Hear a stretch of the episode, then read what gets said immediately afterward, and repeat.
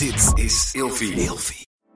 De overgang. 85% van de vrouwen tussen 45 en 60 jaar ervaart overgangsklachten.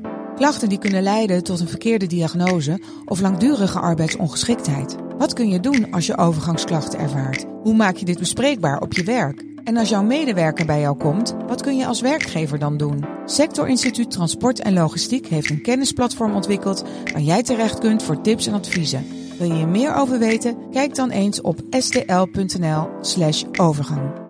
Eindeloos aan het woelen en draaien in de nacht en hou je je partner wakker? Het kan zomaar zijn dat je toe bent aan een nieuw bed.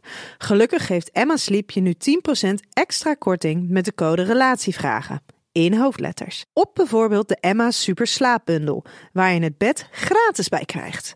Dus ga snel naar emmasleep.nl en bestel jouw bed.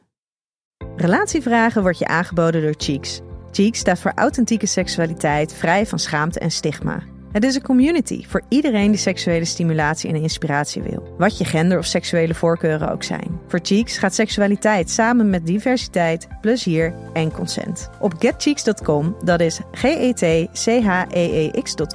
vind je erotische en educatieve inhoud. En als je nu een jaar abonnement neemt met de code Relatievragen, krijg je de eerste 14 dagen gratis. Hallo, ik ben Linda Duits. Ik ben sociaal wetenschapper gespecialiseerd in gender en seksualiteit. En vandaag beantwoord ik de volgende vraag. Hoe vertel je seksuele wensen aan je partner als je bang bent dat zij die te ver vindt gaan? Ja, oké, hier zitten we ook dus steeds weer met die normen die er, uh, die er zijn.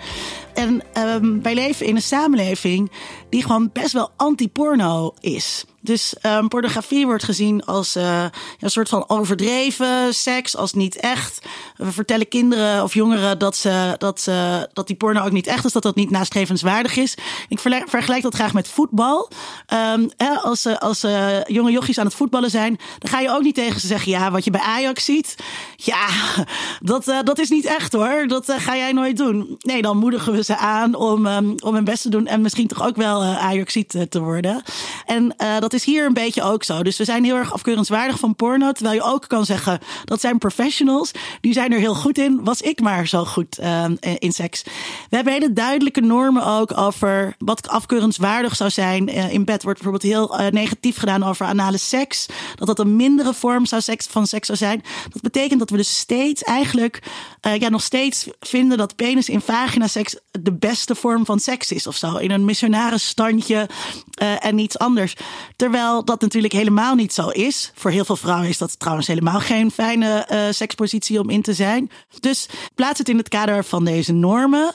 Uh, want ja, niets is te gek, zoals dokter Corrie, dokter Corrie altijd zei. Praat daar met je partner over. En maak dus ook bespreekbaar waarom vinden we eigenlijk sommige vormen van seks normaal en anderen te ver gaan. En wat zou daar dan mis mee zijn als je een bepaalde fetish hebt of een bepaalde voorkeur in bed? Waarom zou dat een mindere vorm van seks zijn dan uh, het, het reguliere wat je altijd doet?